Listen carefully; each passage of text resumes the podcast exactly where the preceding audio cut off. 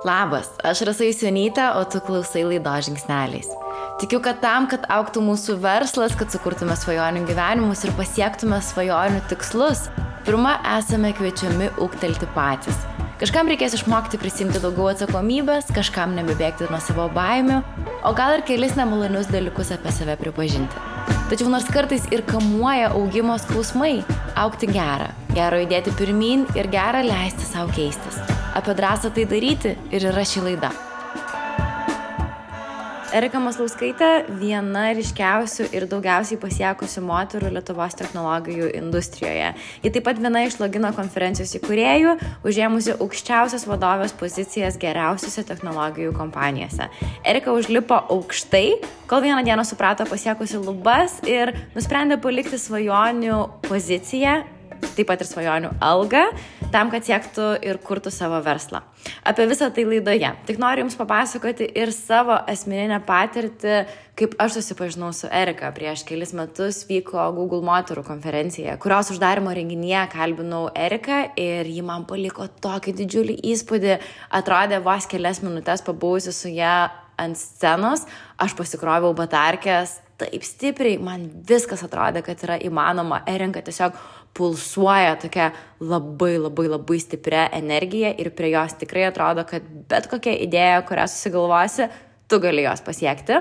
Tad būtent naujųjų metų kontekstui, metų pradžiai, kai galvojam savo norus, kai dėliojam metų planus ir norėjau jūs pasikviesti šio pokalbio. Erika kalba apie daugelį dalykų, nuo kaip kopti karjeros laiptais, kaip iš tikro veikia ir korporacijų politika, ir kaip atrodo užkulsiai, ir lygiai taip pat kaip atrodo savo verslo pradžia ir iš kur atras drąsos palikti viską, dėl ko taip ilgai stengiasi ir sunkiai dirbai ir eiti naujų kelių. Tad ačiū Erikai už laiką, ačiū Jums už klausimą ir važiuojame pokalbį.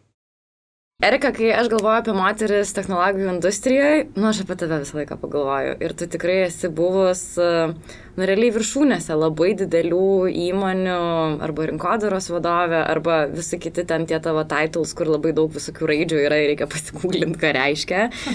Aš kažkaip galvoju apie tave rašiausi ir galvoju, kad yra žmonių, kurie, nu per tris gyvenimus tiek nepasiekė, kiek tu pasiekiai.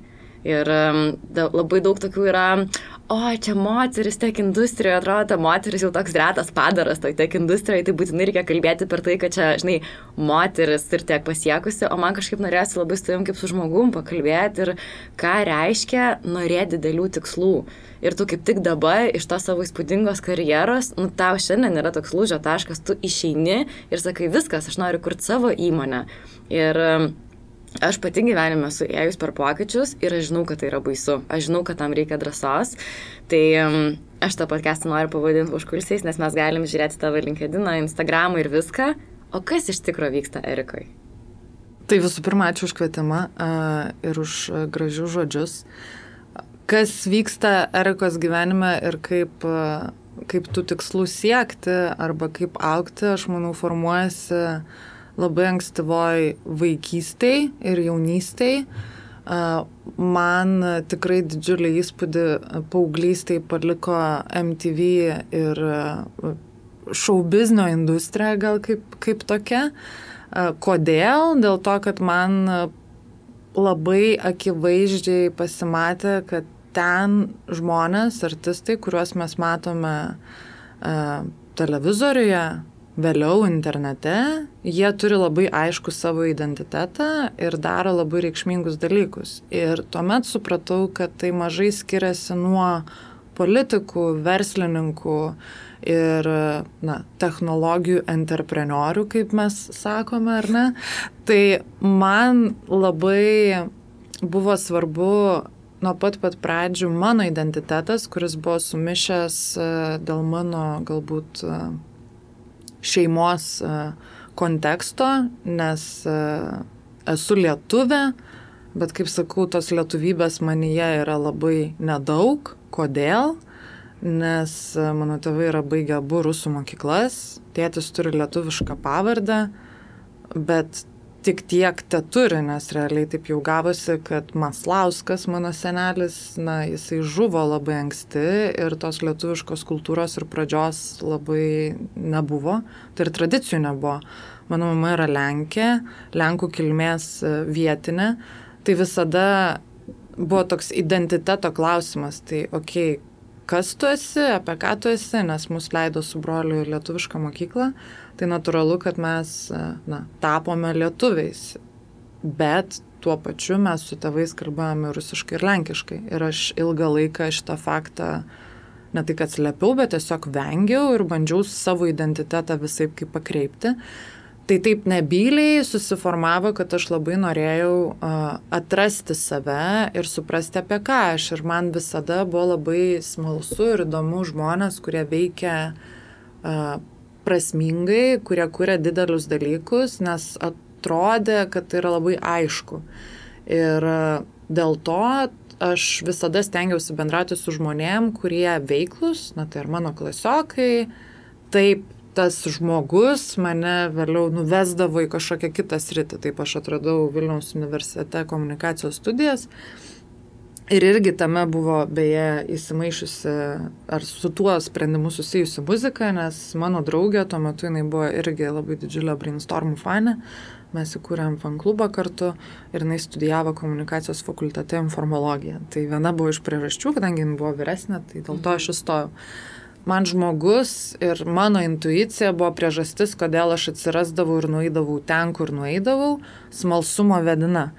Ir e, visada kažkaip atrodė, kad tiesiog ten ar mokytis, arba dirbti nėra įdomu, reikėtų veikti kažką labiau plačiau, nu tai pavyzdžiui, eiti į studentų atstovybę, susipažinti su daugiau žmonių, bendrauti su daugiau užsieniečių, tokiu būdu plečiasi tavo akiratis. Ilgainiui tai tapo mano tokia vizitinė kortelė, kad, na, jau kas kas, bet Erika tikrai daug žmonių pažįsta, o pažįsta iš skirtingų sričių ir būtent iš smalsumo, dėl to, kad kiekvienas projektas, na, yra apie žmonės ir žmonėms, tai natūralu, kad ir tie žmonės yra skirtingi, jeigu tu veiki na, pavyzdžiui, darai konferenciją, kur yra skirta technologijų entuziastam, tai natūralu, kad turi ir remėjų, ir speakerių, kalbėtojų, ar ne, ir dalyvių, ir turi labai besikeičiančią industriją, kuri yra technologijos, o technologijos apjungia visas. Tai tiek logistika, tiek telekomunikacijas, tiek e, technologijų įmonės, tiek mažmeninė priekyba, vėliau komercija atsirado ir galėčiau vardinti daug, daug ir plačiai. Tai Erika labai pradėjo anksti savo profesinę kelionę. Man buvo 21, jeigu aš gerai atsimenu. Aš paraleliai atsiradau vėliau konferencijų versle, kur dirbau nemokamai, už nemokamai pradžią, vien dėl to, kad aš atsiradau WhatsApp konferencijai, kuri buvo skirta rinkodaros vadovam. Ir ten, kadangi tai buvo estų įmonė, tai jie darė skirtingo profilio konferencijas. Tai iš esmės mane tai labai pakreipė kaip asmenybę, nes aš turėjau progos su vadovais, vadovus, vadovams skirtuose renginiuose, girdėti temas ir bendrauti su kalbėtojais, speakeriais, kurie tas temas dėstų ir tokiu būdu suprasti trendą, kur viskas eina. Tai tas leadershipas ir mano lyderystė yra susiformavusi iš labai įvairių kampų ir aspektų, nes vienas dalykas tai tu esi, kai dalyvauji konferencijų versle ir nepaisant to, ar esi projektų vadovas to vieno renginio, ar net asistentas, nes pradėjau nuo maišelių dalinimo, vis tiek į tave žiūri kiekvienas iš dalyvių kaip į organizatorių. Tai natūralu, kad tu ir kalbėti turi labai panašiom temom ir nepasimesti. Ir formuojasi tavo identitetas. Jo, ir formuojasi mano identitetas ir natūralu, kad turi išlaviruoti ir sunaviguoti situacijai taip, kad žmogus, kuris dalyvauja, dalyvis, jis eina, nesuprastų, kad tu galbūt čia ne iki galo viską supranti. O dažnai yra, kad ne iki galo viską supranti. Tai faktas, aš e, savo kelionės metu, nes iš konferencijų verslo mes e, susipažinom su dviem draugais ir sukūrėme login. Kai darėme loginą, tai aš atėjau 15 minučių, 15 e, minučių naujienų portalą, bet realiai laikraštį tuo metu portalas dar buvo tik įsibėgėjęs. Ir e, buvau rinkodaros skyriui, galiausiai po dviejų mėnesių likau rinkodaros vadovė visiškai nedaug suprasdama, apie ką yra marketingas ir apie ką yra digital marketingas. Tai teko suprasti, kaip ir baneriai kuriami, kaip daromi dėgymai į svetainę, apie ką yra vartotojo kelias, kas yra dizainas, kas yra vartotojo patirtis ir daug kitų dalykų. Ir, pavyzdžiui, pirmos logino konferencijos, kurios buvo, aš tikrai mažai supratau apie viešuosius ryšius ir komunikaciją, nepaisant to, kad tai studijavau ir vėliau dirbau žiniasklaidoj. Ir kaip dabar atsimenu, turėjau savo na, co-founderiams pasakyti, pasakoti, kodėl mums tai yra reikalinga ir kodėl tai padės pardavimam. Ir taip jau susiformavo ilgainiui, kad jeigu kalbam apie kompanijos identitetą, viešojoje erdvėje arba prekinį ženklą ir verslo identitetą, tai komunikacija yra ir viešieji ryšiai, prekinio ženklo vertė yra ir reputacija yra esminis e, kriterijus ir esminė dalis, kuri yra daugiau investicija į ateitį, bet jeigu sudėjus taškus labai aiškiai ir akcentus ten, kur reikia, tai, na, tai atperka ilgalaiką investiciją ir galiausiai na, atneša geresnių rezultatų. O atsakant į klausimą, kas vyksta Erikos gyvenime ir kaip per šitiek metų galbūt nueiti ten, kur nueiti, kur aš nuėjau ir atsidūriau, tai tų pozicijų buvo ne viena. Aš pradėjau tikrai nuo asistentės, projektų vadovės, produkto vadovės ir iš žiniasklaidos vėliau keliavau į Omnitel telekomunikacijų bendrovę. Taip atsirado projektai vėl nauji, nes atsitiko Omnitel ir brandas, prekinio ženklo pasikeitimas, Omnitel kažkada buvo mėlynas, tada tapo purpuriniu. Tai aš buvau atsakinga už skaitmeninių kanalų vadinamą prekinio ženklo pakeitimą. Ir tada natūraliai įvyko toks lūžis organizacijai, kai reikėjo transformuoti organizaciją ir jungti Teo su Omnitel, iš ko dabar mes turime Teliją.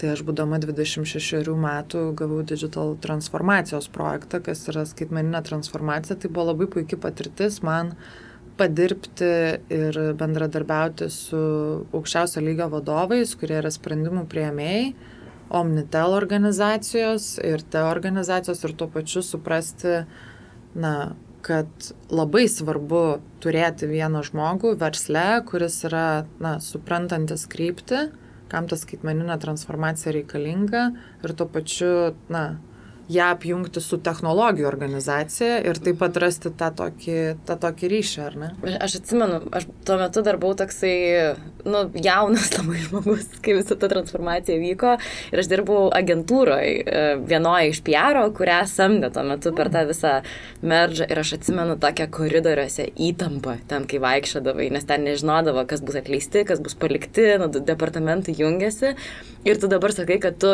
26 metų buvai atsakinga už tą nu, dalinai už tą susijungimą. Tas susijungimas vyko vėliau, aš buvau mhm. atsakinga daugiau, na, toj pradžiai, tada jau aš keičiau veiklą ir, ir, ir išėjau į Delfį, bet uh, taip, iš esmės kiekviena transformacija ir pokytis, jis reikalauja pokyčio. Ir aš tada noriu paklausti, o tu tame, tu gauni tą poziciją ir tau buvo tokių momentų, kur tu turi namo pareiti ir, nežinau, pagalio pakvapuoti, kur tau atrodo, nu, kur tas fake it you make it atsiranda. Taip, be abejonės, aš manau, tai yra žmogiška patirtis labai ir labai natūralu. Mhm. Nežinoti dalykų, mes gal e, stengiamės vaidinti, kad mes viską išmanom, nes vis tiek norim save pateikti iš gražesnės pusės. Tai natūralu, kad, pavyzdžiui, turėjau galimybę dirbti su tuometiniu Omnitel prezidentu Antanu Zabuliu, kuris po ilgo laiko išėjo iš organizacijos ir ją pakeitė Donas Štrombergas, kuris ir šiai dienai jau nebe, bet e, vadovauja ilgą laiką teliai. Tai, na, tas or, vadovų pasikeitimas, jis natūraliai irgi įneša tokio, okay, tai turėjome lietuvį, dabar turime užsienietį, vadinasi, ir viskas vėlgi labai keičiasi. Tai nei aš tokių biudžetų buvau mačius, nei aš tokio skeilo ir apimties projektą buvau mačius, bet reikia suprasti vieną dalyką, aš niekada nesi vienas vis tiek, kai vyksta tokie dideli transformaciniai projektai, tai dažnu atveju pradžiai pradedama yra dirbti nuo labai mažos komandos su kažkokiu raktiniu žodžiu projektu X, apie kurį ne visa organizacija žino, tuomet ilgainiui ta komanda plečiasi ar ne ir atsiranda daugiau skirtingų tų vadinamų stakeholderių arba žmonių atsakingų. Tai nėra taip, kad čia Erika viena viską ėmė ir padarė. Tikrai ne. Kitas dalykas reikia, reikia suprasti, kad ir vadovų komandos lyderystė toje vietoje yra labai svarbi, nes šitoje vietoje aš buvau produkto vadovė. Tai vadinasi, virš manęs buvo viceprezidentas ir prezidentas. Tai natūralu, kad tu tada labai su skirtingai žmonėm bendrauji. Bet tuo galbūt man ir patiko, ir kas mane suformavo kaip gal profesionalą, tai būtent e, darbas dideliai telekomunikacijų bendroviai, toj korporatyvinėje aplinkoje, nes labai suformavo tą pagrindą požiūrį į procesus, požiūrį į bendrai kaip bendrauti, kaip komunikuoti, nes vis tiek tai yra organizacija, kuri, į kurią daug metų buvo investuojama iš vadybos pusės. Mhm. Tai nepaisant to, kad žmonės keičiasi, vis tiek bendra struktūra jinai lieka. Ir aš dėl to esu tikrai labai dėkinga, nors ne, ne viskas korporatyvė, kaip mes vadinam, yra patrauklu, bet tai labai tau atneša tokių svarbių gairių, kuriomis gali vadovautis ir toliau, kitose organizacijose jas pritaikyti ir žinoma, kadangi vadybiniai principai jie keičiasi, tai kiekvienas atvejis yra unikalus. Mm. Žinai, Erika, kai tu eini į kambarį, nu tavo akise yra toks pasitikėjimas savim. Tu žinai, kas tu esi ir kai su tavim kalbi, tikrai netrodo, kad tu jautiesi maža. nu, tu jokiesi, bet, bet ir kai tu kalbėjai apie savo identitetą ir korpu ten yra tas momentas, kai tu dirbi, ar tau buvo toks aš kuriu savo identitetą ir aš renkuosi, kad aš žinau savo vertę, savo galę. Tuo metu tikrai ne, aš jo nežinojau. Mano gal atveju tai vėl atrodo, kad aš labai pasitikiu savim ir taip toliau. Manau, tai sąlygoja tai, kad aš tikrai daug projektų sėkmingų esu padarius ir parodžius rezultatą, kurį galiu aš užtikrinti. Visgi iš asmenybinės pusės e, aš tikrai, manau, pasikeičiau ir paaugau per kokius paskutinius keturis metus tik tai, nepaisant to, kad man dabar 36, e, aš pradėjau 21, tai kaip ir profesiniai veikloje esu įsitraukus labai seniai, bet tas visas augimas profesinis, jisai aiškiai parodė, kad yra gepas arba trūkumas asmeninio augimo kuris, na, buvo paliktas saveigai, nes čia, žinai, kaip yra ta takoskira tarp proto ir, ir emocinio intelekto, ar ne? Tai nepaisant to, kad turi organizaciją, vadybą, kolegas, profesionalus, vienaip ar kitaip tu bendradarbiauji su žmonėm. Tai, o tai koks turėjo būti tas emocinis augimas?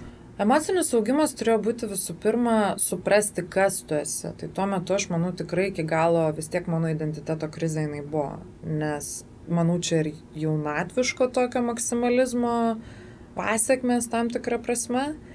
Aš tikrai ne iki galo supratau, kur link aš einu, ko aš noriu, nes vienaip ar kitaip, na, kai tu esi organizacijai, tu turi labai aiškius tikslus, ką tu nori pasiekti Ir tikrai ne, ne visi vadovai yra faini. Su vienais gali būti labai geri galbūt ir draugai, su kitais nelabai. Ir kur atrasti tą balansą ar ne, tarp profesionalumo ir galbūt šiek tiek daugiau familiarumo. Ir tas klausimas iki galo ir šiai dienai nėra atsakytas, nes na, labai nuo skirtingos situacijos skirtinga ne kad žaidimą žaidi, bet skirtingai laviruoji tarp interesų, kaip ir paimkim diplomatijos tarnybą, ar ne, nu, tai nes su kiekvienu šalies vadovu yra malonu bendrauti kaip pavyzdys. Tai ką tu sakai, tai yra tai, kad tu turėjai išmokti būti vadovė. Realiai taip, aš turėjau išmokti būti vadovė, aš turėjau išmokti būti gera komandos nare, aš turėjau geriau suprasti, kaip komunikuoti, mažiau komunikuoti emociškai, iš emocinio trigerio kažkokio, ar ne. Aš aiškiai supratau, kad uh, man tikrai reikėtų daugiau atkreipti dėmesį ne į kitus, o į save. Nu, tai yra ta meilė savo, ar ne, bet jinai vėlgi profesiniai veikloje, nu, tai kokia meilė savo reikia deliverinti rezultatą. Tai šitoje vietoje aš... Jo, tai aš šitoje vietoje labai aiškiai viską dariau dėl rezultato ir, ir tikrai dažnai pamirždavau save. Kaip tai atrodė būtekė? Būtekė tai labai daug valandų ofise, bet nebūtinai tiesiog sėdint ofise, bet tiesiog toks uh, noras jeigu pasakai deadline, tai tikrai iki to deadline bus. Ir kokia buvo to kaina? To kaina buvo tikrai perdegimas ir labai aiškiai pasimatė, kad kai nėra stuburo vidinio, tam, kad atlaikyti skirtingą krūvį, diskusijas, intrigas, interesus, nes nu vis tiek skirtingi žmonės e, visur yra. Tai jo, reikėjo labai tada atsigręžti į save ir suprasti, tai okay, apie ką yra Erika ir e, ko Erika nori. Nes aš ilgą laiką tikrai labai daug prisimdavau kalties į save, galvodama, kad čia vat, aš kažką padariau, nu, nes visą laiką yra tas, pradėkim nuo savęs, ką tu blogai padarė, o ne kiti. Ir galiausiai tas mąstymas jis yra teisingas. Vis, visą laiką reikėtų pradėti nuo savęs, ką tu blogai padarėjai. Tik tai bėda būna tokia, kad nu, ne visą laiką tu darai blogai, nes yra ir kitų interesų. Ir žmonės yra visą laiką dažniausiai galvojantis apie save, bet kokią kainą.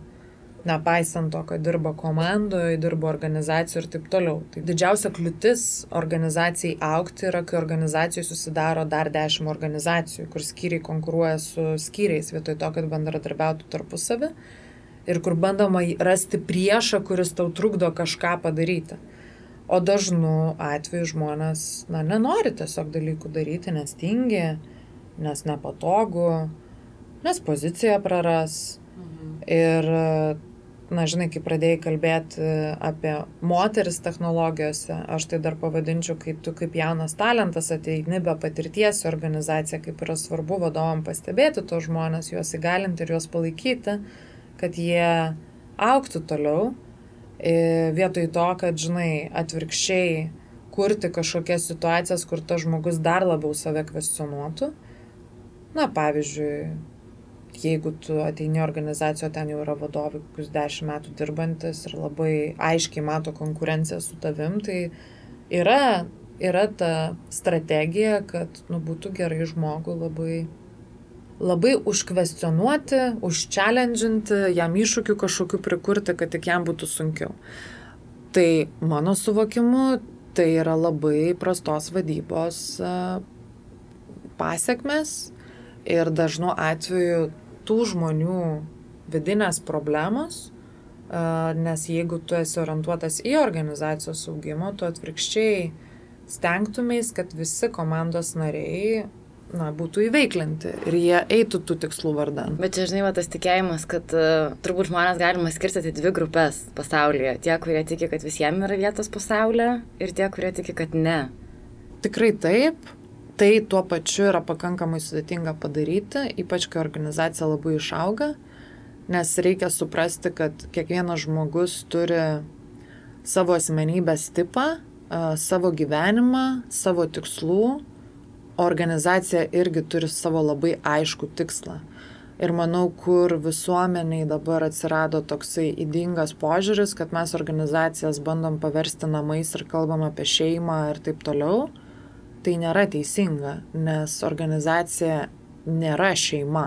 Organizacija yra darbas, veikla, protinė veikla, už kurią organizacijos kūrėjai, verslo kūrėjai moka atlyginimą. Mhm. Ir dažnu atveju, kas yra labai natūralu, žmonės turi santykius organizacijose ar ne, emocijų daug ir taip toliau. Ir tada labai sudėtinga atskirti, žinai, ar mane vertina, ar manęs nevertina ir taip toliau, kodėl mane vertina už rezultatą, bet tuo pačiu dabar mane pradeda vertinti, koks aš žmogus esu, ar ne? Mhm. Ir kur svarbu atrasti tą balansą. Mano iššūkis, kai aš buvau kelionės pradžioj buvo dažniausiai, kad aš rezultatą galiu pasiekti bet kokią kainą. Bet ką tai reiškia? Kad tu ne visiems būsi geras, ne visiems būsi šaunus, ne visiems būsi patogus. Tai tada nuo organizacijos vadovų labai priklauso, kokią jie formuoja kultūrą. Bet baisu yra būti ne visiems patogia. Labai.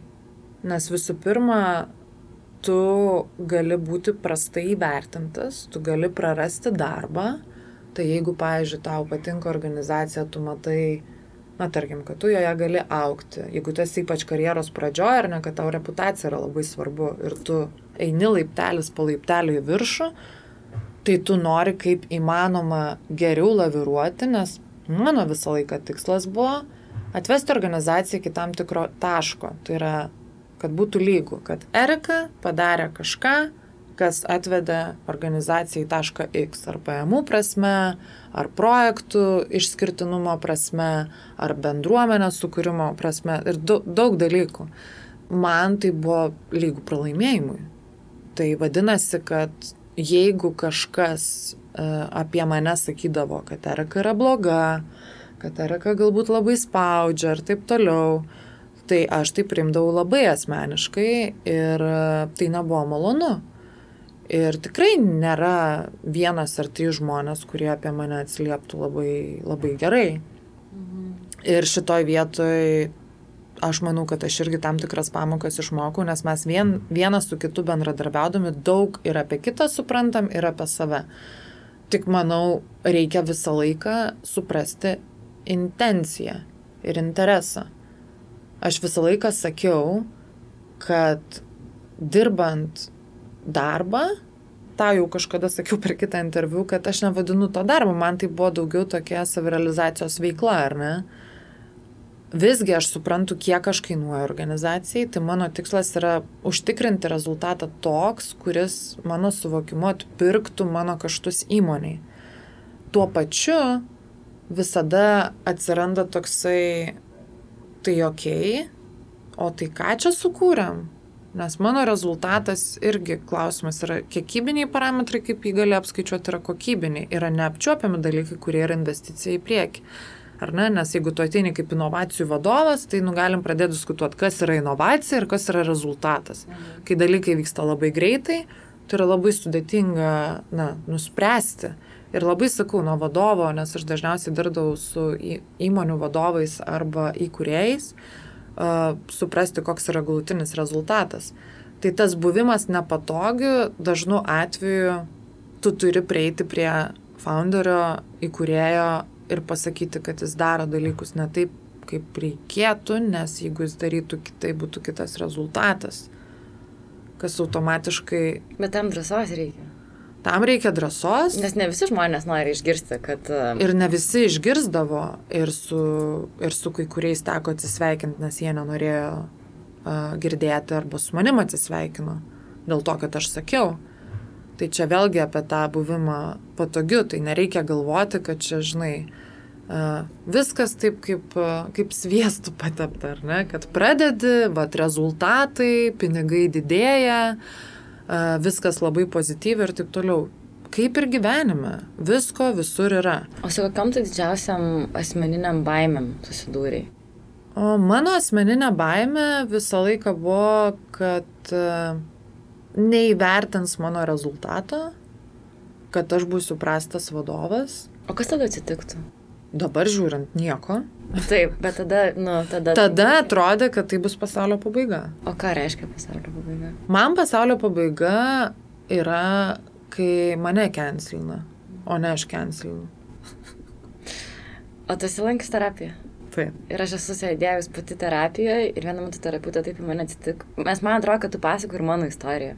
Man rezultatai buvo viskas. Aš iš tikrųjų būdavau prie durų pasikabinus tokį done is beautiful. Nuo pirmo kurso gal. Man viskas turėjo būti rezultatais pamatuota. Ir aš sėdžiu terapijoje, bet seniai kažkada ir taip atsisuka mane sako, Rasa, o kas tu esi?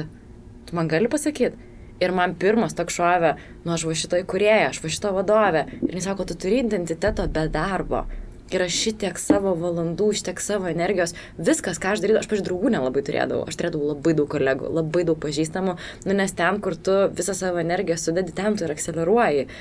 Ir aš kai supratau, kad tai palatai žiauriai gerai, kai sekasi, tada mano tas identitetas žydė, bet kai nebesiseka darbė, o negali visą laiką tik į kalną lipti. Nu, vis tiek bent jau pauzių kažkokių yra, man taip kirzdavo, man irgi taip baisu būdavo, kad dabar viskas sugrius, nu ir manęs nebeliks, nu aš kažkokios kitos vertės neturiu, tai aš turiu visą laiką varyti. Tas yra uh, faktas uh, ir manau visi su tuo susiduria. Identiteto krizę visi patiria, ypatingai, kai tu esi sistemos dalis. Kažkokios sistemos dalis, organizacija irgi yra sistema. aš ką galiausiai supratau, kad aš labai greitai perprantu sistemą, aš suprantu, kaip ją keisti, tik ne nuo manęs visada priklauso, ar ta sistema keisis. Tam tikroje vietoje yra laikas tau būti sistemoje ir yra laikas tau nebūti sistemoje. Mm. Ir irgi ne nuo manęs priklauso, kada su manim atsisveikins arba kada aš prisijungsiu prie organizacijos. Vis tiek spręsdavo kitas vadovas. Tai man tai užtruko suprasti 32 metus, nu tai nuo profesinės, tai kiek 5, 10, 12 metų profesinės veiklos, kol aš galiausiai supratau, kad aš nenoriu priklausyti nuo sistemos, o noriu kurti savo sistemą. Aha, o tai apie ką buvo noras priklausyti nuo sistemos? Kodėl tau taip ilgai reikėjo dirbti korporacijose? Geras klausimas. Manau, tai buvo saugus kelias, galbūt nuspėjamas, aiškus, labiausiai matomas, kaip aš suprasdavau profesinį augimą, pas mane šeimoje verslininkų nėra. Tarp draugų visada tuo metu, kai, kai aš augau, pavadinkim taip, visi buvo arba samdomi vadovai, profesionalai ir taip toliau. Dabar taip jau gaunasi, kad visi išeina ir tampa verslininkais. Tai manau, čia daugiau toks dėl saugumo, dėl to, kad uh, tu labai aiškiai žinai, ką reikia padaryti, o jeigu nežinai, tai sugalvoji. Kitas dalykas, tu neprisėmi galutinės rizikos. Ir atsakomybės. Ir atsakomybės.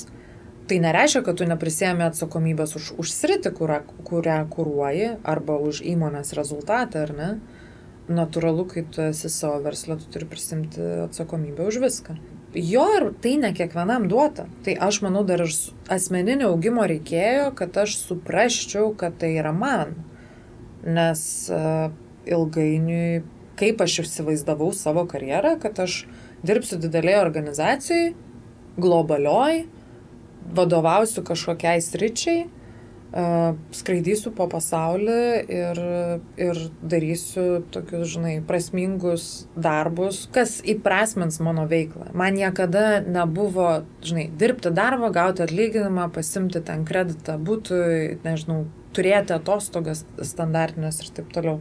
Man visą laiką buvo daugiau apie bendruomenę, apie žmonės, apie pokytį atkreipimą dėmesį kažkokių socialinių veiksmų, nes aš manau, kad verslas turi organizacijos bendrai verslai, kur dirba žmonės, jie turi didžiulę socialinę įtaką. Mm, bet dar apskritai, be viso to, kad uh, man asmeniškai irgi niekada nerezon... Nu, man patinka pinigai labai, man patinka, kai bankas sako, taip, mes jums tai tikrai duosime paskolą. Taip, nu, bet man pati ta idėja, kad mano galvoje gali gimti mintis ir po to jinai realizuojasi į materiją. Nu, man čia tokia, žinai, Hario Poterio magija, ką mes visi žmonės galime. Mes tavim galim meeting rūmė sėdėdamas sugalvoti, kad gerai, o dabar darom taip ir taip. Ir po pusės metų mes, pažiūrėjau, turim organizaciją, kuri veikia, uždirba, nu, man čia magija yra. Man tai yra toksai, kad, nu, mes tokios galingos, nes nuo minties viskas prasideda. Jo, ir šiaip žinai, ačiū, kas sakai, kad atrodo pasitikėjimas ir taip toliau. Aš šitoje vietoje gal turiu pasinaudojus progą paminėti, kad man tikrai, visų pirma, aš nežinau, kad galiu, Kitas dalykas, labai buvo svarbu, yra labai svarbu turėti, kas tave palaiko.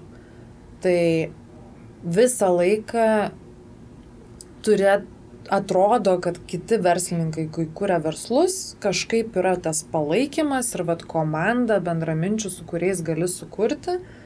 Aš jos ilgą laiką neradau, manau, nežinau, ką norėčiau daryti. Ir iš tiesų man tikrai pasisekė, kad didžioji dalis įkūrėjų ir vadovų, su kuriais dirbau, mane labai skatino judėti į priekį ir daryti savo. Tiesiogiai tai paminėsiu tikrai Telesofto Algerdą Stonį.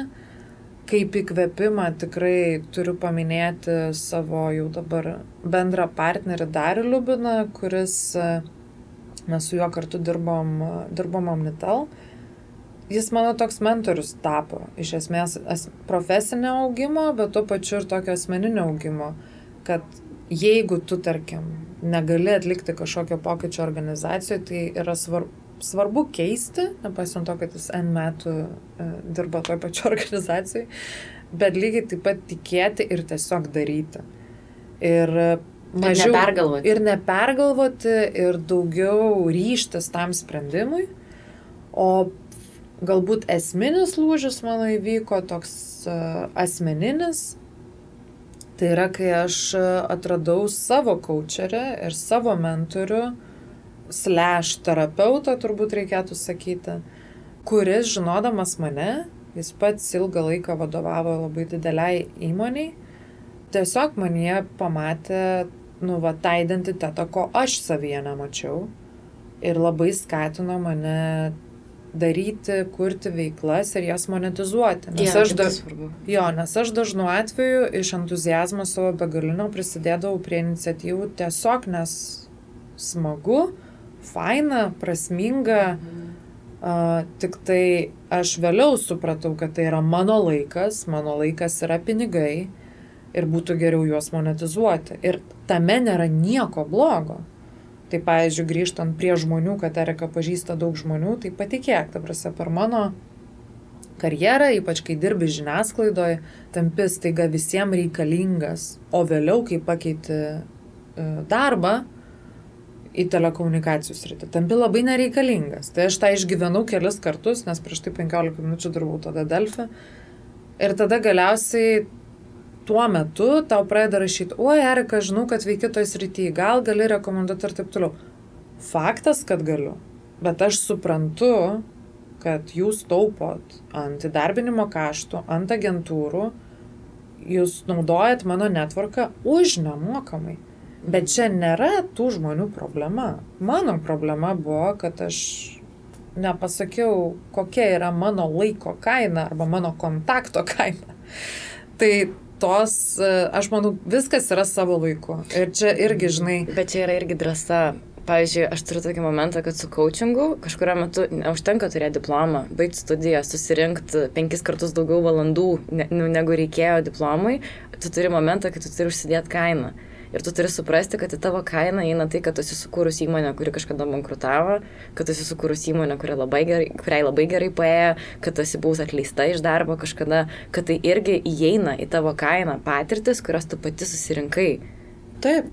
Bet man atrodo, čia yra kažkas apie tokį momentą, kur tu sustoji ir sakai, ne, aš gerbiu save. Aš gerbiu savo laiką. Mat, aš nebesirenku būti maža. Jo, ir aš, žinai, tas yra angliškas people pleaser, mhm. ar ne, kur yra tas e, noras visiems patikti ir įtikti. Ir čia vėl, manau, tiktų pasakyti, kad viskas savo laiku. Aš skatinu visus tikrai, kai tu esi savo kelionės pradžioj, eiti visur už nemokamai daryti, prisijungti. Aš pati pradėjau kelią nuo vištų fabriko Vokietijoje Ta prasme, kur mane tėvai išsiuntė vokiečių kalbos mokytis. Pramo, pra, pramokti Bavarijoje, jo, Bavarijoje čia dar reikėtų paminėti. Bet ne apie tai, čia ne apie vištų fabriką, ne, ne apie Bavariją, bet čia daugiau apie galimybės, kad kiekviena ir, ir patirtis, ir kad kiekviena patirtis tave labai užgrūdina, užaugina ir tu iš to kažką išmoksti. Ne, ir net tada, jeigu ta patirtis būna skausminga.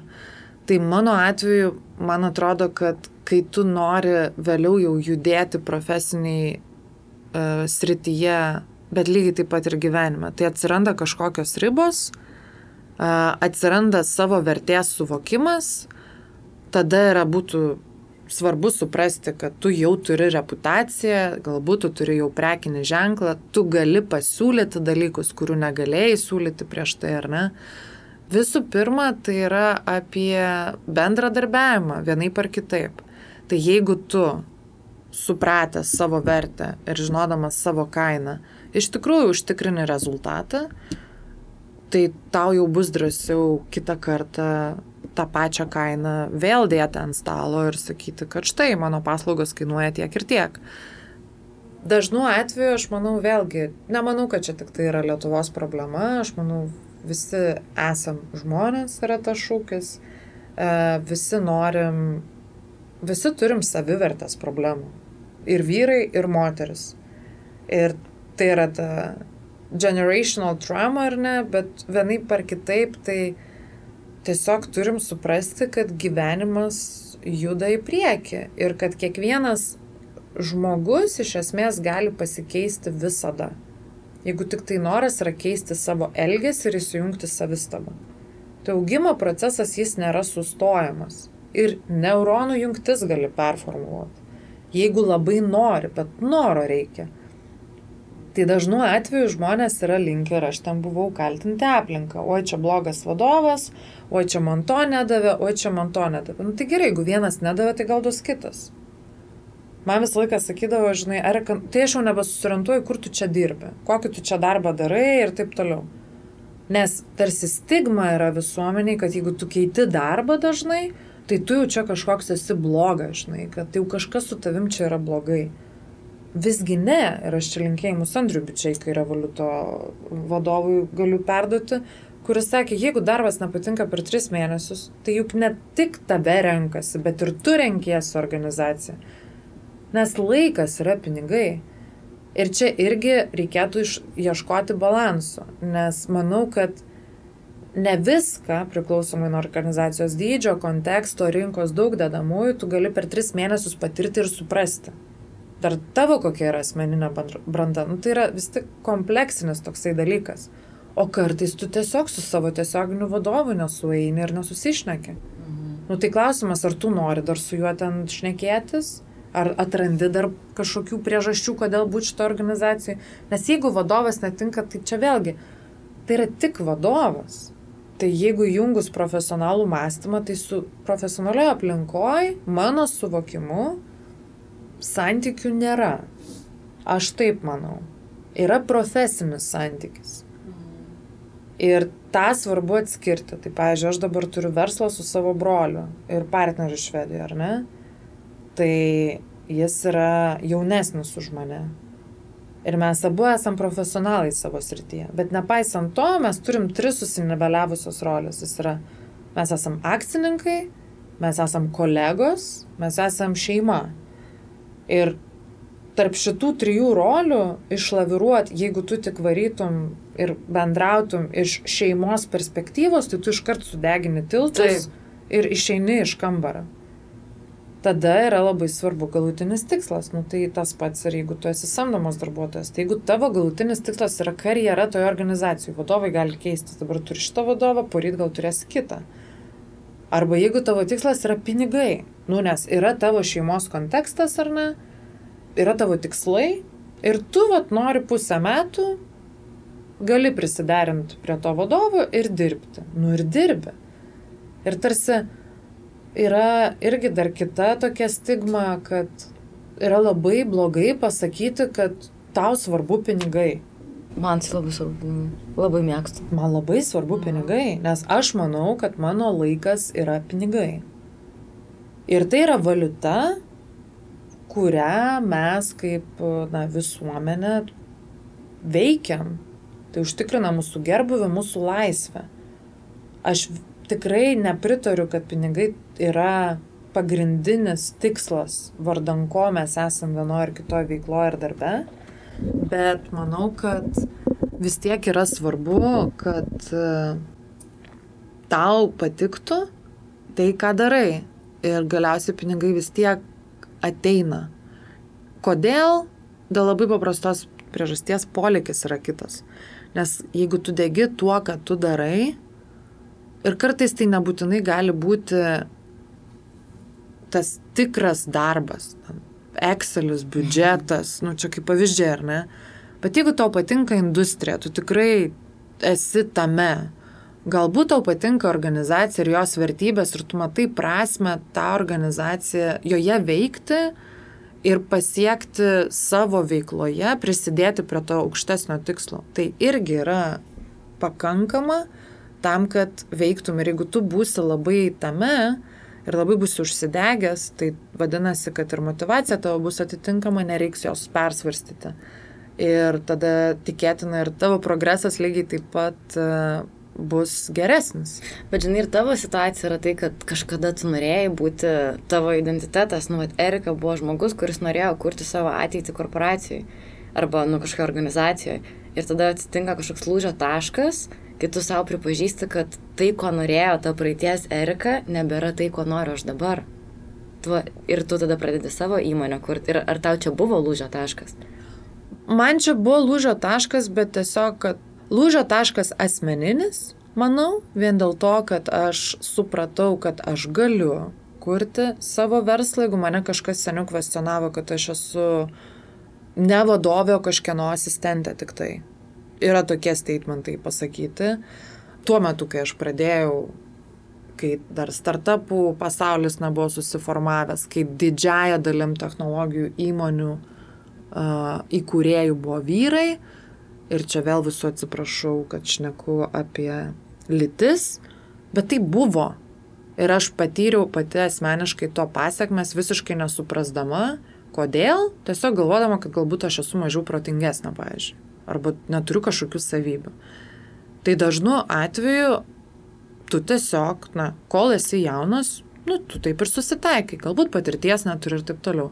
Ir aš prieėjau tokį tašką, kur būdama skirtingų organizacijų pusėse, ten tiek technologijų įmonėse, kurios teikia paslaugas verslams, tiek pačiam versle, iš skirtingų pusių, aš tiesiog supratau, kur yra problema.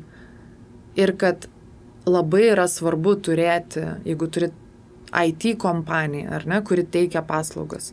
Yra labai svarbu suprasti organizaciją, kuriam paslaugą teiki, tai yra verslo, ta vadinama agenda, ar ne, verslo krypti. Ir labai svarbu suprasti, kaip vystyti technologinį verslą. Neužtenka tik tai programuoti. Ir labai yra svarbu turėti tą ryšį tarp šitų dviejų dalių, tai yra technologijų ir verslo. Aš dažniausiai buvau tas žmogus linkas, tas ryšėjas, kuris suriždavo dvi pusės. Kad jos būtų ne kaip ta priešai viens kitam, bet kad realiai mes veikdami iš vien galim užtikrinti geresnį rezultatą.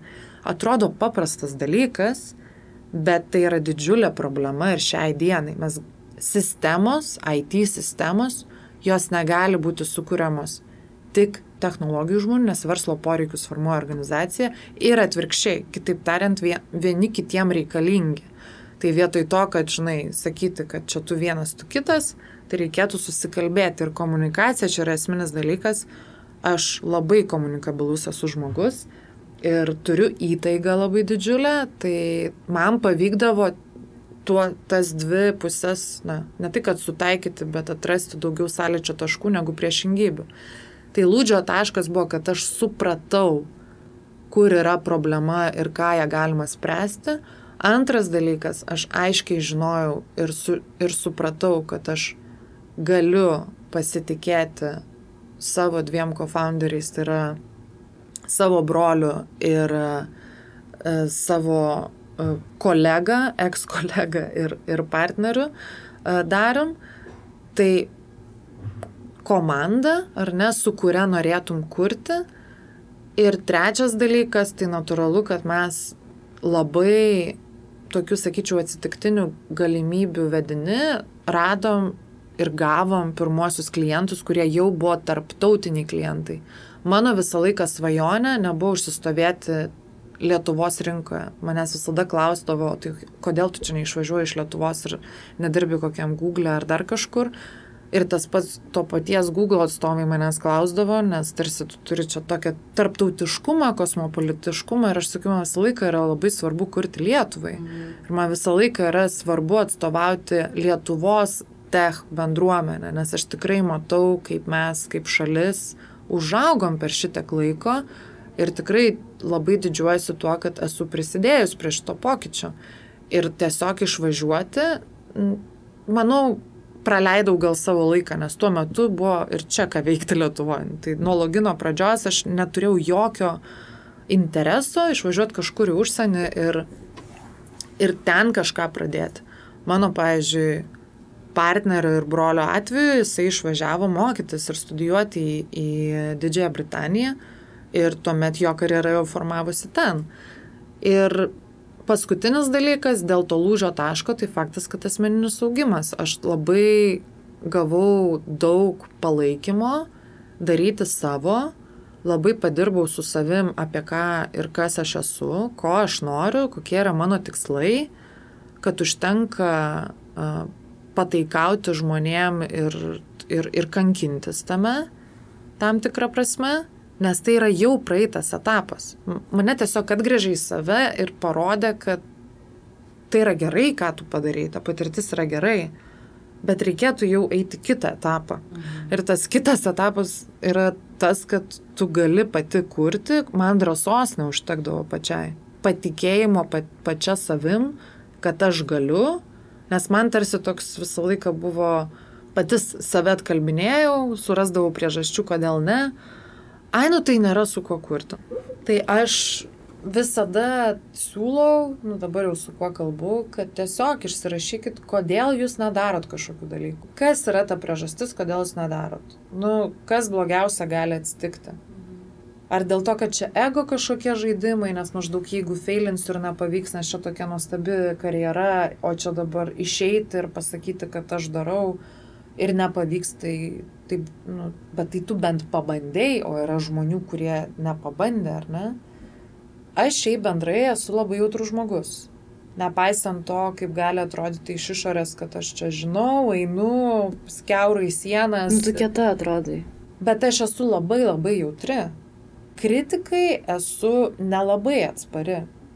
Tai man reikėjo išmokti, kaip atfiltruoti kritiką, kurią tu priimi, kuri yra iš tikrųjų tik tai apie tą žmogų apie to žmogaus interesą. Nes taip yra, ne? Mes dažnai šitą girdim, kad čia kartais ne apie tave, bet čia labai dažnai ne apie tave. Labai dažnai ne apie tave. Labai dažnai ne apie tave ir sunku yra atskirti, kada ne apie tave, ypatingai organizacijai, kai na, viskas yra labai apie tai, kad pasiek rezultatą, turi patikti vadovui, nu yra daug dedamųjų, kaip tas rezultatas yra įvertinamas. Ne visiems žmonėms tai tinka.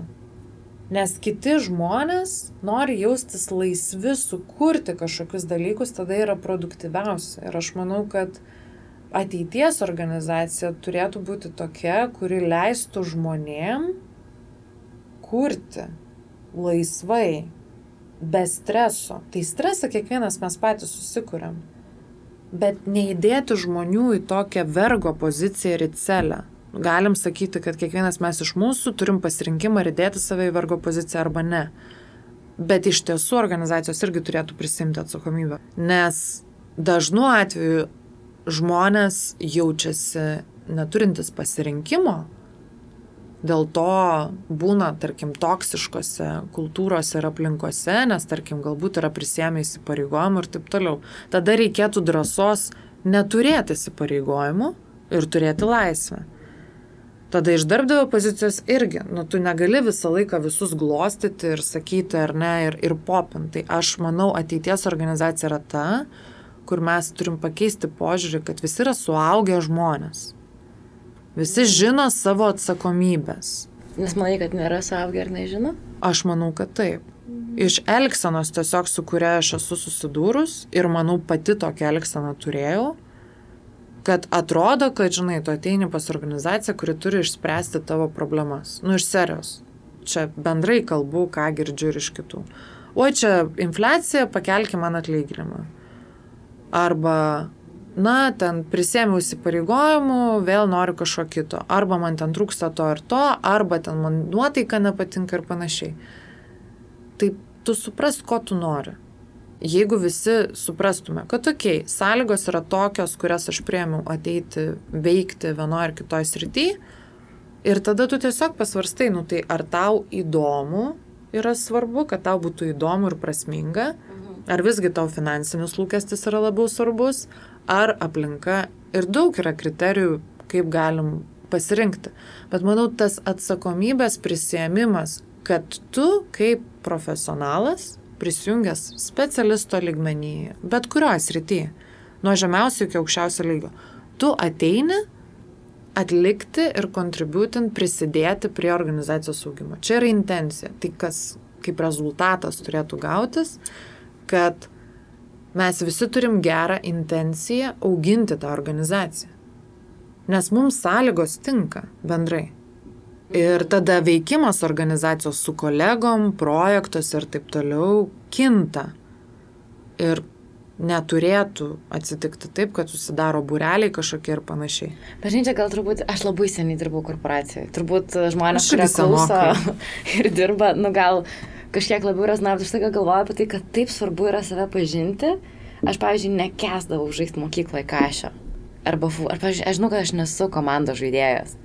Man yra labai gera turėti laisvę, kurti, pačiai priimti sprendimus. Aš nemėgstu per daug derinti su kitais žmonėm, klausti kitų žmonių nuomonių, ten diplomatija, kur tu minėjai.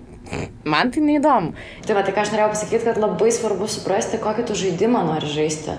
Nes mes kartais pamirštam, kad mes čia visi žaidimų žaidžiam kad uh, sugalvoji padirbti korporacijoje, padirbti korporacijoje, sugalvoji, kad nori pradėti daryti savo verslą, pradėk daryti savo verslą, bet svarbu, kad būtų įdomu blogiausia, kai mums yra nebeįdomu gyventi savo gyvenimą ir mes per daug bijom kažką keisti, nes gal kažką susigadinsim. Jo, ir aš, aš manau, kad aš ir pati labai, labai bijojau keisti.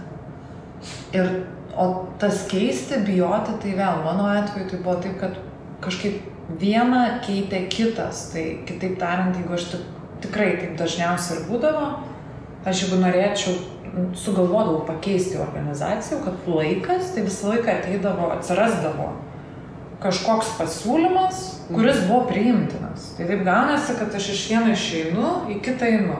Keliais atvejais buvo atvirkščiai, kad, tarkim, su manim atsisveikinu, truko laiko susirasti organizaciją, ar ne? Ir jau tuo metu, matyt, dėl to mane ir atleido, ar ne, kad aš persvarstyčiau savo kelią. Ir aš vis tiek, pavyzdžiui, eidavau ten, kur mane samdo. Ir dabar, žinai, žiūrint, žiūrint atgal, aš manau, kad vis tiek gerai, kad aš nuėjau, nes aš įgavau patirties, kuri man dabar yra naudinga.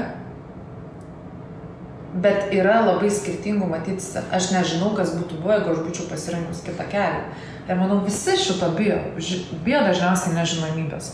Mano atveju, per visą mano profesinę patirtį, kurią aš turiu, aš nenoriu to vadinti karjera, nes aš manau tikrai, ką mes vertinam, kiek žmogus yra pasiekęs, tai yra labai relativu. Ir ar tai yra pozicijų pakeitimas, ar tai yra pozicijų, kaip sakai, ten yra kažkokie raktažodžiai, ten CBDO, kas yra Chief Business Development Officer, ne, nu, tai yra už plėtrą atsakingas žmogus. Bet na tame esmė, aš galiu vadintis tiesiog, žinai, kad aš esu problemų sprendėjas, nes vienaip ar kitaip tu organizacija ateini spręsti kažkokį iššūkį, mm. kažkokią užduotį, ar ne? Tai mano atveju aš manau, kad kiekvienam savas kelias, svarbu yra sustoti ir galbūt pareflektuoti, tai okei. Okay ar ką aš noriu veikti, ar iš tikrųjų ta pozicija man yra įdomi, prieš svarstant, prieš priimant kažkokį sprendimą. Ir net pasirinkus, tai kaip ir sakiau, per savo profesinę patirtį, aš galiausiai supratau, kad nu, kiekviena patirtis jinai man buvo reikalinga. Tam, kad aš atsidurčiau čia, kur esu dabar. Ar čia, kur esu dabar yra gerai, tai čia irgi labai priklauso labai skirtingai nuo kiekvieno. Ne visiems yra kelias. Kažkas nori, pavyzdžiui, turėti tiesiog ne vertikalų augimą, o horizontalų, ar ne? Ir nori ugdyti savo kažkokias uh, savybės, profesinius įgūdžius vienoje ar kitoje srityje. Ir tai yra irgi gerai. Pažiūrėjau, dabar kalbėjau ir aš prisimenu, aš nežinau, kurio eiliškumu išeis pokalbiai, aš su viena moterim, dar net skleisiu su kuo įrašinėjau podcastą ir nesako, žinai, aš savo karjerą jau tiek buvau pasiekus ir man atrodo, kad aš būtų tiesiog įspraudęs savai tam tikrą augimo rėmą o tu irgi šitą sakei, kad taip reikia, nu, tai tokia saugi sistema. Ir čia irgi yra, manau, padiktuota mūsų suvokimo, kaip mes suprantame augimą versle. Tai vadinasi, mhm. jeigu mes pradedame nuo asistentų, tai tarsi mūsų tikslas vis tiek, visi tarsi turi tikslą būti vadovais. Taip, ir jinai sako, sako, aš žinok vieną dieną sėdžiu savo tam ofise, viskas ten viską ir galvoju, o jeigu aš noriu būti žvėjas Tailandė, Taip, aš taip niekada negalvoju. Mhm. Aš neturiu, aš tokio neturiu, nežinau, gal čia reikėtų šiek tiek aukštesnio samoningumo. Galbūt aš dar irgi savo kelio nesu iki galo, tikrai nesu, bet turiu minti samoningumo kelio nesu pasiekus. Man svarbiausia, kad nebūtų sekmadieninių tų išgaščių, žinai. Nes mhm. čia galėčiau pacituoti, yra tokia Bosma St. Jones, kuri yra ex Netflixo, Uber, Apple ir PepsiCo marketingo vadovė. Labai tokia svarbi profesionaliai industrijai. Jis sakė, kad dažnu atveju, jeigu tu turi tą sekmadieninį tokį jauduliuką, tokį nerimą, tai dažniausiai tai byloja apie blogus sprendimus tavo gyvenime. Mhm. Ir aš tikrai patvirtinu, kad taip ir yra. Mhm. Nes jeigu tu esi ten, kur tau yra skirta, tu tiesiog eini ir veiki. Tai nėra taip, kad einu į darbą, man čia kažkoks sutikimas. Natūralu, kad yra jaudulys. Kaip ir kažkas lipa į sceną, kažkas skaito pranešimą, kažkas duoda Davoso pranešimą, nuskaito kažką, ar ne. Tai yra kažkokie mūsų, mūsų svarbios progos, kurias mes smegenyse labai, labai kažkaip ant piedestalų užstatėm, nes mums tai yra svarbu. Ir kiekvienam yra svarbus labai skirtingi dalykai. Tik jeigu tau tai yra įdomu, tu to kažkaip ne, nepozicionuoji kaip tokio, o Dieve, kažkas atsitiks ar panašiai. Tai, tai dėl to. Tai gerai, tada jau visiškai einant į pabaigą, eini, formuojasi, darai pasirinkimus, ko tu nori, tu pasakai labai gerą dalyką, kad kartais mums padaro paslaugą, kai mus atleidžia iš darbo ir tą irgi tai pamatyti. Kartais, jeigu jau jaučiam sekmadieninį jaudulį, tai matyt, kad gal tai byloja apie kažkokius blogus sprendimus mūsų gyvenime. Ir tada tai, ką tu dabar darai, nu, kad tu išeini kur savo jau, tai yra pokytis. Ir ar tame pokytyje, nors ir turi, žinai, tą, kaip tai suvardinai, nu, garbės lentą, kur tu žinai, kiek tu esi pasiekus, kur tu jau žinai savo vertę, kur, nu, tavo akise yra toks, kad aš žinau, kas aš esu, bet ar yra toks vidinis kritiko balsas, kuris sako, nesigat, čia nieko negali. Mm, faktas, kad yra, aš manau, kiekviename jis yra, klausimas, kiek jis garsiai šneka ir kiek tu sugebi jį nutildyti. Tai ką šneka arba ką kalba ir kuo vadovaujasi, pasiekia kuriejai. Jeigu yra tavo vidinis kritiko balsas, kuris tau sako, kad tu negali, tai tu tiesiog įmir darai. Taip. E, tai aš vadovaujos principu, stoicizmo principu, kuris sako, kad tu tiesiog atsikeli ir darai Tai yra mano draugės toks nuostabus prekinis ženklas atsikeri ir varai. E, tai man kažkaip tai yra tapus mantra ir aš manau, kad kiekvienas dalykas yra pasiekiamas. Mhm. Ir jeigu tu tikrai labai nori, tu jį gali pasiekti. Klausimas, kaip tu savo gyvenimą susistiguosi, kad tų dalykų siektum. Ilgainiui supratau, kad verslas yra sportas Tai yra kitoks sportas. Tai kaip ir sportą, norėdamas pasiekti tam tikrų rezultatų, tu turi rutiną, tu turi discipliną. Jeigu taip, mes jau esam tokie žmonės, kad mes esam linkę nueiti ir malonumų patirti, vietoj to, kad na, kažką vardant tikslo veikti. Ir tik pastangų dėka, disciplinos dėka, tu nueini iki tam tikro rezultato. Tai manau, čia ir socialinių tinklų, ir mūsų medijos įtaka il, nu, ilgainiui susiformavusi apie influencinimo visas kultūras, apie tas pats MTV ir taip toliau, kad viską va taip atsitinka, susitinki žmonės ir staiga tu pasieki, tu turtingas, pinigai vyra ir, ir, ir viskas yra amazing. Nėra taip. Čia lygiai taip pat aš nesu mama, bet mes turim irgi tiek daug pavyzdžių, kur suniveliuota, kas yra ta laiminga motinystė, o kas yra sudėtinga. Ir sudėtingų atveju mes labai negirdim. Mhm. Nes atrodo, kad viskas yra labai lengva. Tai kaip ir versle. Daug, daug yra kalbama apie galbūt kažkokias uh, nesėkmes, bet tai vis tiek yra niša, kur apie tai kalbam. Ir vis tiek netgi per apie tas klaidas, kai kalbam, stengiamės ją per pozityvą pateikti. Mm. Nes kiekvienas tiesiog norim save pateikti geriau, ar ne? Tai lygiai taip pat influenceriai, kurie reklamuoja kažką, turi didžiulės auditorijas, ten yra verslas. Tai jeigu tu važiuoji atostogų, tai tu visi žinom, kad tu pasiemi dar du lagaminus, kur turi ten produktų, kuriuos turi, žinai, pareklamuoti nes tu esi priklausomas nuo algoritmų elementariai. Mhm. Tai tą gražų vaizdelį, kurį matai, tai, tai yra darbas, darbo rezultatas. Mhm. Žmogus arba jo komanda veikia ir stengiasi dėl to.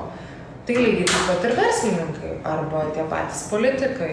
Yra komanda, kuri veikia šalia, kai tu pradedi visiškai savo, tai mes trys statėm viską nuo nulio, mes negavom nei kažkokių ten investicijų iš šalies, neturim ten turtingų tėvų ar ten mhm. sutoktinių ir panašiai. Tiesiog sukaupę savo patirtį versle, e, čia vėl kaip pradedi verslą, ar ne, ar visiškai be jokios patirties samdomo darbo, ar jau po, po, tam, tik, po tam tikrų pasiekimų būnant samdomo roliai. Tai mūsų atveju pas visus yra taip ir aš manau, tai irgi turi tam tikrą stiprybę, dėl to, kad tu jau esi versle, kur už tavo klaidas mokėjo kažkas kitas arba nepasisekimus, mm. tu esi pasidaręs išvadas ir jau žinai, nes patirtis iš to susiformuoja, kaip kažkokių dalykų nedaryti tam, kad padaryti protingiau. Tai kiekvieno kelias yra labai skirtingas, bet aš tikrai manau, kad e, nepamirškim, kad visur yra darbas yra žmogus su talentais, kažko talentas yra atskleistas per smegenis ar ne per intelektą, pas kažką yra atskleistas per emocinę prizmę, čia aš tokių apie, galbūt, nežinau, dainininkus, atlikėjus ir taip toliau, bet vis tiek, kad ir kokios rytį mes bebūtume, ar apie bet ką pagalvotume, visur žmonės tam, kad norėdami sukurti kažkokį rezultatą, jie turi padirbti. Mhm. Ir turi tiesiog energijos skirti, kad įvyktų dalykas. Nu, čia lygiai taip pat, ar ne tam, kad mes susitiktume, mes turėjom, žinai, susiplanuoti, atvažiuoti, suprasti, apie ką norim kalbėti ir taip toliau, ir turėsim rezultatą. Tai žinai, kur man atrodo atsiranda skirtumas, kad aš labai tave girdžiu, man tikrai atrodo, kad, e, nu, kur tu vat, man rašai prieš tą podcastą, ne viskas vanilė ir cukrum nubarstyta, kad tikrai yra sunkių akimirkų ir beveik kiekvieną dieną einu į džimą, nu ir blemba, nu sunku, maiti sunku, pradėti sunku, daryti pratimą būna sunku, bet aš žinau, kad mane tai užkrauna, aš žinau, kur man bus malonu. Ir kai aš kuriu savo pavyzdžiui ir aš žinau priežastį, kodėl, kur man bus malonu, tada net patys sunkiausi dalykai yra per kažkokį malonumą. Jame, jame, jose irgi yra kažkokio lengvumo. O kai aš gyvenime būsiu situacijose, kur aš žinau, kad aš long termų nebenoriu tam būti, nebenoriu to darbo dirbti ir yra iššūkiai, čia man atrodo yra tas kentėjimas, kurį tu renkiesi, nu kur tu kenti tiesiog. Ir man atrodo, čia labai labai atskirtis yra, kur jo siekiant savo tikslo bus sunku, bet žinai, kad turi pilieti į fucking savo kalną. Taip. Ir tam bus gerai tam kalne. Taip, ir ne kiekvienam savas kalnas. Nu, tas, žinai, mes tarsi atskiriam vėl, sakom, savas kalnas tai tarsi savo verslas, o ne savas kalnas tai jau yra, tarkim, samdomo darbo karjeros viršūnė. Bet taip nėra. Tai, manau, svarbu yra žinoti, kas yra tas tavo kalnas ir kur tu lipi ir suminimizuoti kančios levelį, nu, kaip įmanoma iki minimumo, kad būtų paprasčiau pasiekti rezultatą. Ir jeigu jau supranti, kad biški nebepatinka tas kalnas, į kur lipi ir nematai prasmės prisiminti, laiką, kad biški gali kitur. Visą laiką tu gali išeiti, visą laiką gali pakeisti. Uh, Tik manau, yra labai svarbu suprasti, kokios bus pasiekmes to. Tavrasi, tai kiekvieno yra labai individualus aspektas. Nu, tai žinai, jeigu šitą mindset arba šitą suvokimą pritaikytume santykiams ir sakytume, ai, nepatinka, tai išeinu, ar ne? Mhm. Nu tai taip, yra dalykai. Labai daug kritin... pasimatymų, kad vaikščioti. Jo, tai yra kritiniai dalykai, dėl ko tu gali išeiti ir labai greitai nebegrįžti, bet čia lygiai taip pat, nu, romantizmo visa epocha, ne, kuris suformavo mums tokį idealų, žinai, kad viskas yra tik tai va, cukrum ir vanilė mm. pavarstyta. Tai nėra niekur, manau, to tokio iki galo idealaus varianto. Aš kiek sakau savo srities profesionalų, kurie yra labai daug pasiekę, kažkaip taip gavosi, kad jie daugiausia Amerikoje yra. Bet žmonės ten yra įpratę dirbti visą gyvenimą ir būti veiklus ir ką kalba na, mūsų smegenų tyrinėtojai, kas man yra labai įdomis rytis, tai mes ir augam kai žmonės, jeigu mūsų smegenės yra įveiklintos. Mhm. Bet žinoma, mes turim nepamiršti savo kūno. Tai minėjai apie sportą ar ne, nu, tai mano sporto klubas yra 3 minutės nuo, nuo mano namų. Ir aš vis tiek sugebu kartais neatsikelti, nes, ai, tingiu, bet kaip sako Mel Robbins ar ne, nu tai tu tiesiog numesk tą pižamą ir kiekvieną rytą tiesiog pramerk akis ir atsistok. Tai Mes ką bandau pasakyti, kad tai nėra tai, kad, ai, vat jie tai gali, kuriuos mes matom viešai, o aš tai negaliu, nes aš tai tinginė. Visi negali. Mm. Klausimas, kas pasiryšta kažką daryti. Kažkoks verslininkas, kai jam nulaužia IT sistemą e, ir žinau konkretų atvejį, tiesiog meta viską ir važiuoja, nes ten yra, nu, kaip minimum 10 milijonų vartotojų duomenų ir tai yra pasiekmes ne tik jam finansiškai ir reputacinė prasme, bet lygiai taip pat ir kitiems žmonėms. Tai čia vėl apie atsakomybės prisėmimą už save patį ir tuo pačiu už, už kitus. Ir manau, kad jeigu mes na, daugiau būtume, sakau, intencija būtų, kad mes vienas kitam iš tikrųjų norime padėti, ar ne? Tai padėti savo ir padėti kitam. Ir jo, tam tikrais atvejais įsivardinti kainą, ar ta pagalba yra mokama arba nemokama, ir įsivertinti kontekstą ir pasiekmes. Aš manau, tai. Dėka. Nu. Ačiū. Ačiū tau. Ačiū Erikai, ačiū visiems, kurie klauso mano laidų, aš jums esu beprotiškai dėkinga.